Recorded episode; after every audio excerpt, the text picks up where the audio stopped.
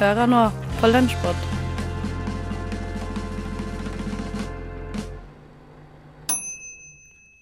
Hei og velkommen til ukens uh, lunsjpod. Mitt navn er Tage Rivas Tollefsen, og sammen med Eline Hei. så skal vi um, fortelle litt om hva som har vært det beste som har gått på Radio Nova, og snakke litt om det, og så rett og slett høre på det. Uh, uh, I dag så er det ganske mye nice på lunsjmenyen. Ja, vi har eh, dobbel dose med skallebank. Uh, vi skal også høre Vitenselskapet snakke om eh, cellesyklus. Og så har vi et eh, romdikt fra Sorgen fri, og uh, ganske mye mer. Så vi kan jo begynne med det første, hvor Ingeborg um, har bestemt seg for at hun skal slutte i Radio 1. Det er et ordspill på hvor mange kjendiser er det ikke noen som har gått ifra NRK til Radio 1, ikke sant? Mm. Og Ingeborg går fra Radio 1 til Radio Nova. Ja. Og vet du hva, eh, Tage? Dette er skikkelig flaut, men det tok meg så lang tid å skjønne det ordspillet. Ja. Ja, de, disse, de sa at Ingeborg skulle gå, men jeg skjønte ikke ordspillet før en dag etter Mm. hele greia. Ja. Men jeg syns det er veldig gøy når jeg skjønte det. Og eh, hun er jo utgående reporter, så man får jo høre på De sitter i studio og snakker med henne over telefonen. og får høre hele prosessen, så det er utrolig gøy å høre på. Så da kjører vi første stikk. Ingeborg Sivertsen har vi på tråden. Tidligere medlem fra Radio Nova, og har jo nå jobbet i Radio 1 i tre måneder. Hun har faktisk kommet seg inn i mediebransjen, men det var ikke egentlig helt som hun trodde. Ingeborg, Eh, ja. hvorfor var det ikke helt som du trodde? Nei, altså Jeg vet ikke helt. Det var på en måte Jeg kom inn i Radio 1 og bare sånn Ja, OK, 26 dager arbeidstid nå. Ikke sant? Føler jeg har fått en fin flyt. Men så plutselig en dag så bare slo det meg at herregud, i denne bedriften så er det jo kun avdanka NRK-profiler. Og jeg har jo aldri hatt jobb i NRK, så jeg passer jo åpenbart ikke inn. Nei. Så hva, hva gjør du nå da? Nei, akkurat nå så står jeg utenfor, eh, står på Jernbanetorget 4B utenfor på en måte, det som snart skal bli min, eh, min gamle jobb. Eh, Så jeg tenkte rett og slett å ringe på og var sånn, og bare fortelle at hei, nå slutter jeg. Okay. Eh, Men så har jeg selvfølgelig glemt inngangskortet mitt, så jeg må jo på en måte starte med å ringe på eh, klokka. Ja, um, må man, har man ikke sånn uh, oppsigelsestid? Eh, Vi får se, vi får finne ut når vi Jeg skal, jeg skal bare ringe litt her nå. OK, gjør det.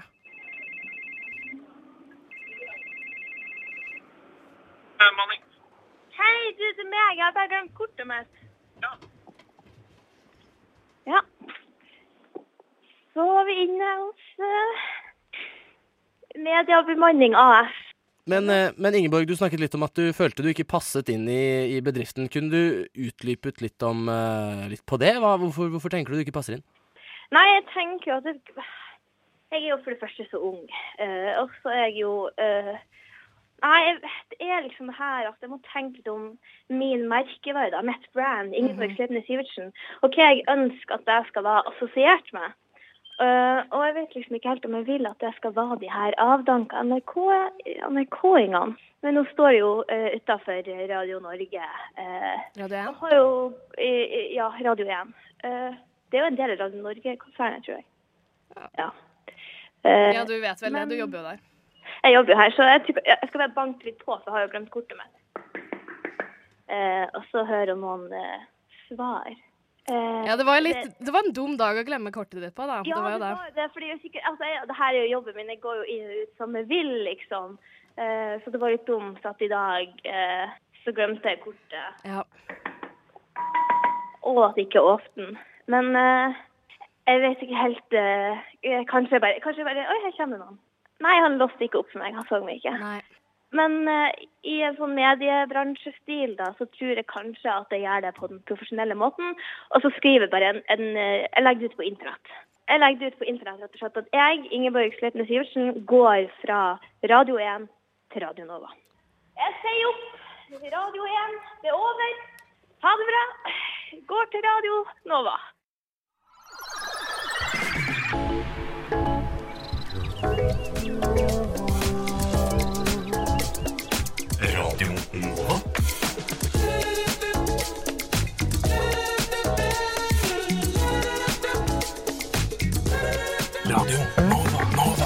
24 timer i døgnet, 7 dager i uka. DAB, nettspiller og mobil. Det var Ingeborg som går fra Radio 1 til Radio Nova. Heldigvis for oss. Og du kan jo høre Ingeborg eh, hver eh, fredag i Skalvåg. Absolutt. Nå Eline, skal du høre Anna fra Vitenselskapet eh, forklare hvordan cellesyklusen fungerer dersom du f.eks. har slått et lite hull på kneet ditt. Se for deg scenarioet. Du faller, slår hull i kneet ditt, og så begynner du å blø. Senere så begynner det her eh, såret å gro, og etter hvert så vil det bli helt normalt igjen. Det her er jo sikkert noe som alle har opplevd før, men har du noen gang tenkt over hvordan det kan skje? Hvordan kan man gå fra et hull i et kne til et sår, og så tilbake til hud igjen? Jo, dette kan skje fordi huden klarer å vokse tilbake. Og huden består jo av mange celler, så det er cellene som vokser ved at de deler seg og blir mange flere, som ender opp som et nytt hudlag der du hadde såret til å begynne med. Så når en celledeling begynner, så markerer det her slutten på noe som vi kaller for cellesyklus. Og en slik syklus foregår i alle cellene i kroppen din. Og denne vil bare begynne hvis det er behov for flere, som f.eks. når du har et sår på kneet ditt. Cellesyklusen består i grove trekk av fire faser, der tre av de er faser som gjør at cellen vokser i størrelse, og den siste fasen er selve celledelingen. I fase 1 forbereder cellen seg til å kopiere DNA-et sitt. Og for at cellen skal få lov til å gå videre i neste fase, så må en rekke krav være oppfylt. Det må være en viss konsentrasjon av ulike proteiner. Det er nødt til å være god næringstilgang og en riktig temperatur. Dette gir jo egentlig ganske mye mening, fordi vi snakker jo om noe som skal vokse. Og for at noe skal vokse, så må jo du ha dette her til stede. Man vanner jo planter og gir de næring for at de skal vokse, og vi mater jo barna våre for at de skal vokse. Så videre, etter at cellen har rikelig med næring og komponenter som gjør at den klarer å vokse, så vil cellen gå videre til fase to. Og det er her selve DNA-et blir kopiert. Etter denne fasen vil vi da få to sett med DNA som kommer til å ligge i hver sin fremtidige celle etter delingen. Men før cellen deler seg, så må den i fase tre. Og denne fasen er en slags forberedende fase før delingen. Her igjen kontrolleres det at cellen er slik den skal være. Det sjekkes bl.a. at cellen er stor nok, og at det ikke er noen skadere på DNA-et. Og hvis cellen da består kontrollen i fase tre, så vil den gå videre til sin aller siste fase, som er selve delingen. Og da har cellen gjennomført én syklus, og resultatet er to helt identiske nye celler. Denne syklusen er strengt kontrollert og regulert, slik at bare de cellene som skal dele seg, går inn i syklusen og fullfører. Men dersom kontrollsystemet finner ut at det er noe galt med cellen som har startet en syklus, så vil syklusen bare stoppe opp. Og cellen vil da gjennomgå en kontrollert celledød. Fordi man ønsker ikke at celler som det er noe galt med, skal fortsette å vokse, fordi dette kan jo da føre til sykdom. Tusen takk til Anna der, som forklarte oss om cellesyklusen. Uh, veldig lærerikt, og egentlig ganske avslappende å høre på. Ja. Um, nå skal vi høre Ina fra Sorgenfri, som har skrevet et romdikt. Og uh, det som er veldig gøy med dette, er at hun klarer å bruke stemmen sin på den måten som hun har skrevet diktet, og på veldig mange forskjellige måter. Ina har en veldig entusiastisk stemme. Jeg blir alltid glad av å høre stemmen hennes. Mm. Så det er et veldig kort, men veldig morsomt dikt å høre på, og det skal du få lov til å høre nå.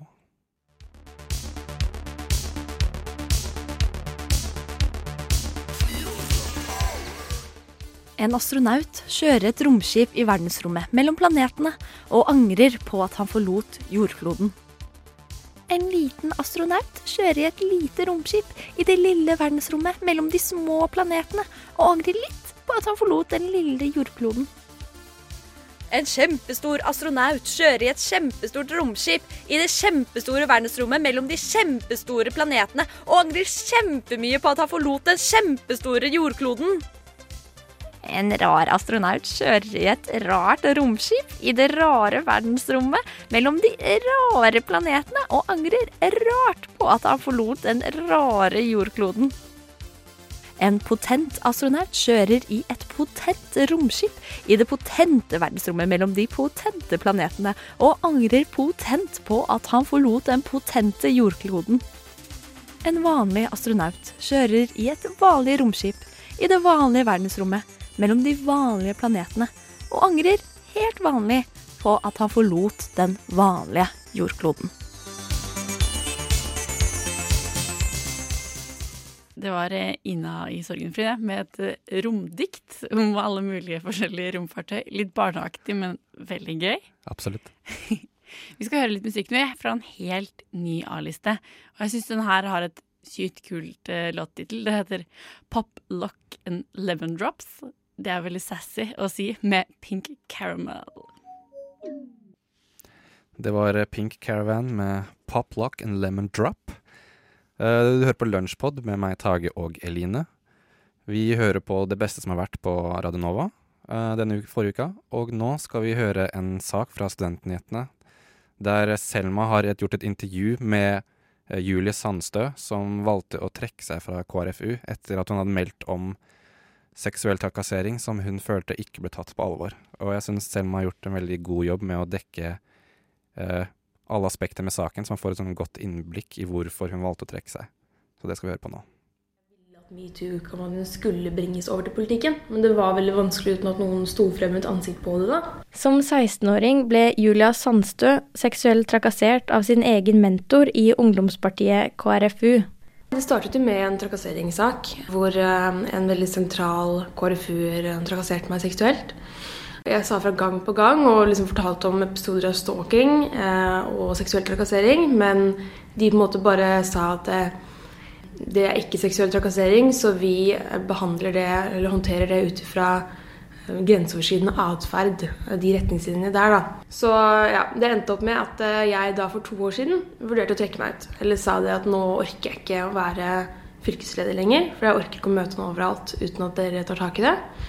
Og så sa de at ja, det var synd. Fredag 12. januar ble det holdt et ekstraordinært landsstyremøte i KrFU, hvor de diskuterte håndteringen av saken til Sandstø. Verken KrF eller KrFU vil kommentere saken, men henviser til en pressemelding. Der står det at lederen i KrFU, Martine Tønnesen, opplevde landsstyremøtet som et åpent og ærlig møte om en vanskelig sak. Sandstø har en annen opplevelse, og valgte å melde seg ut av partiet etter landsstyremøtet. Det der landsstyremøtet jeg hadde på fredag, hvor jeg måtte liksom forsvare foran 30 mennesker at jeg ble trakassert, da satt jo jeg der og heksgråt, liksom. Det var egentlig ganske grusomt. Jeg har gitt så mye av meg selv i syv år. Og når jeg havner i den situasjonen som jeg var og er, med at jeg går ut om seksuell trakassering, som ja, kan skade partiet på kort sikt, men hvis man legger seg flate, så er jo saken borte eller død etter to dager.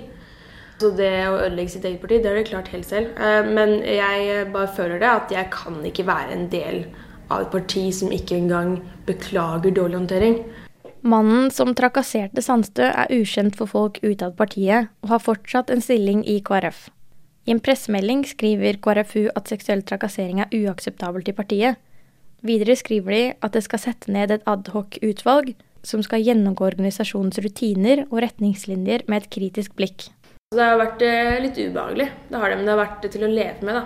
Men eh, da, det å ikke få støtte fra ledelsen om å ta opp seksuell trakassering i media, det er ikke til å leve med. Nova er best. Alle andre er tapere. Nova er best. Radio Nova. Mm.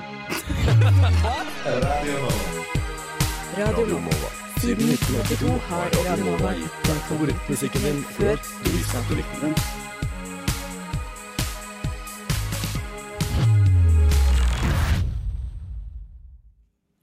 Intervju med Julie Sandstø der, av Selma fra Studentnyhetene. Eh, nå skal vi skifte litt gir. Nå er det uh, tid, høre, tid for å høre på um, Et eget rom. Hadde sending om apartheid og tiden etter apartheid i Sør-Afrika forrige uke. Og da uh, lagde Synnøve et innslag som var et slags innføring i hva egentlig apartheid var, og hvorfor Nelson Mandela var viktig. For det kan hende at ikke alle vet detaljene om det. Så Det det er kanskje sånn ord som man hører veldig masse, men egentlig ikke helt vet hva er. Vet Mhm. ikke. Og jeg syns eh, Synnøve lagde et veldig um, underholdende, men informativt eh, innslag. Og hun bruker musikken veldig godt til å på en måte drive historien i det hun forteller, videre. Så det syns jeg er utrolig bra gjennomført, og det skal vi høre på nå. Hva er det første du tenker på hvis jeg sier Sør-Afrika?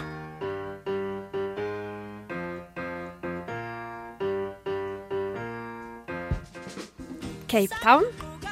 Johannesburg? Feriedestinasjon? Kanskje fotball-VM? Eller musikk? Miriam Makeba eller De Antwoord? Sør-Afrika har mye å være stolt over. De er Afrikas ledende land innenfor både teknologi, økonomi og politisk innflytelse. Men kanskje også Nelson Mandela er et navn som popper opp i hodet ditt. Hva var egentlig greia med Nelson Mandela igjen? Var det ikke noe segregeringspolitikk, eller hva var det her? Det er nemlig ikke så veldig rart om du assosierer Nelson Mandela med Sør-Afrika. For de har en lang og horribel historie med det som kalles apartheid. I nesten 50 år, fra 1948 til 1994, ble Sør-Afrika styrt under denne ideologien. Apartheid innebar enkelt forklart at den hvite minoriteten av befolkninga undertrykte den svarte majoriteten. Og her snakker vi virkelig store overgrep. Det var strenge restriksjoner på nesten alle områder i samfunnet. Hvor folk fikk lov til å bosette seg, hvordan jobb man fikk lov å ha, hvem man kunne gifte seg med, utdanningsvalg og til og med tilgang på helseapparatet. Det var det sørafrikanske nasjonalistpartiet som sto bak dette segregeringsregimet. De på sin side forsvarte systemet med at det ville lønne seg at ulike kultur- og språkgrupper fikk utvikle seg parallelt og selvstendig. Dette var jo åpenbart bare en dårlig tilsløring av den egentlige hensikten, nemlig å holde flertallet av befolkninga nede. Det gikk så langt at man delte befolkninga inn i fire kategorier. På toppen var lite sjokkerende de hvite. Videre de farga, eller de av blanda avstamning. Deretter kom asiatere, og nederst de svarte. Din plass på rangstigen avgjorde rettighetene dine. Annet fordelte nasjonalistpartiet jordområder og regulerte hvor man fikk lov å bosette seg, og 87% av Sør-Afrikas jordområde ble avsatt til den hvite befolkninga. Så med mindre du var en svart person som jobba for de hvite, så var altså 87% av landområdene utilgjengelig for det. Sånn blei altså Sør-Afrika styrt i nesten 50 år. Regjeringa opplevde massiv motstand, og utover 70- og 80-tallet forsto de at det mildt sagt måtte noen endringer til. Og det er her Nelson Mandela kommer inn i bildet.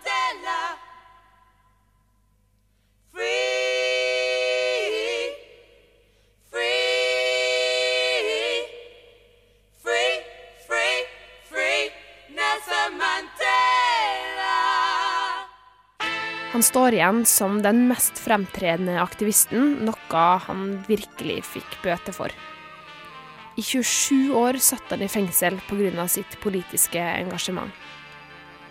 Han slapp ut av fengsel i 1990, og kun fire år etter det ble han valgt som Sør-Afrikas første svarte president for partiet African National Congress.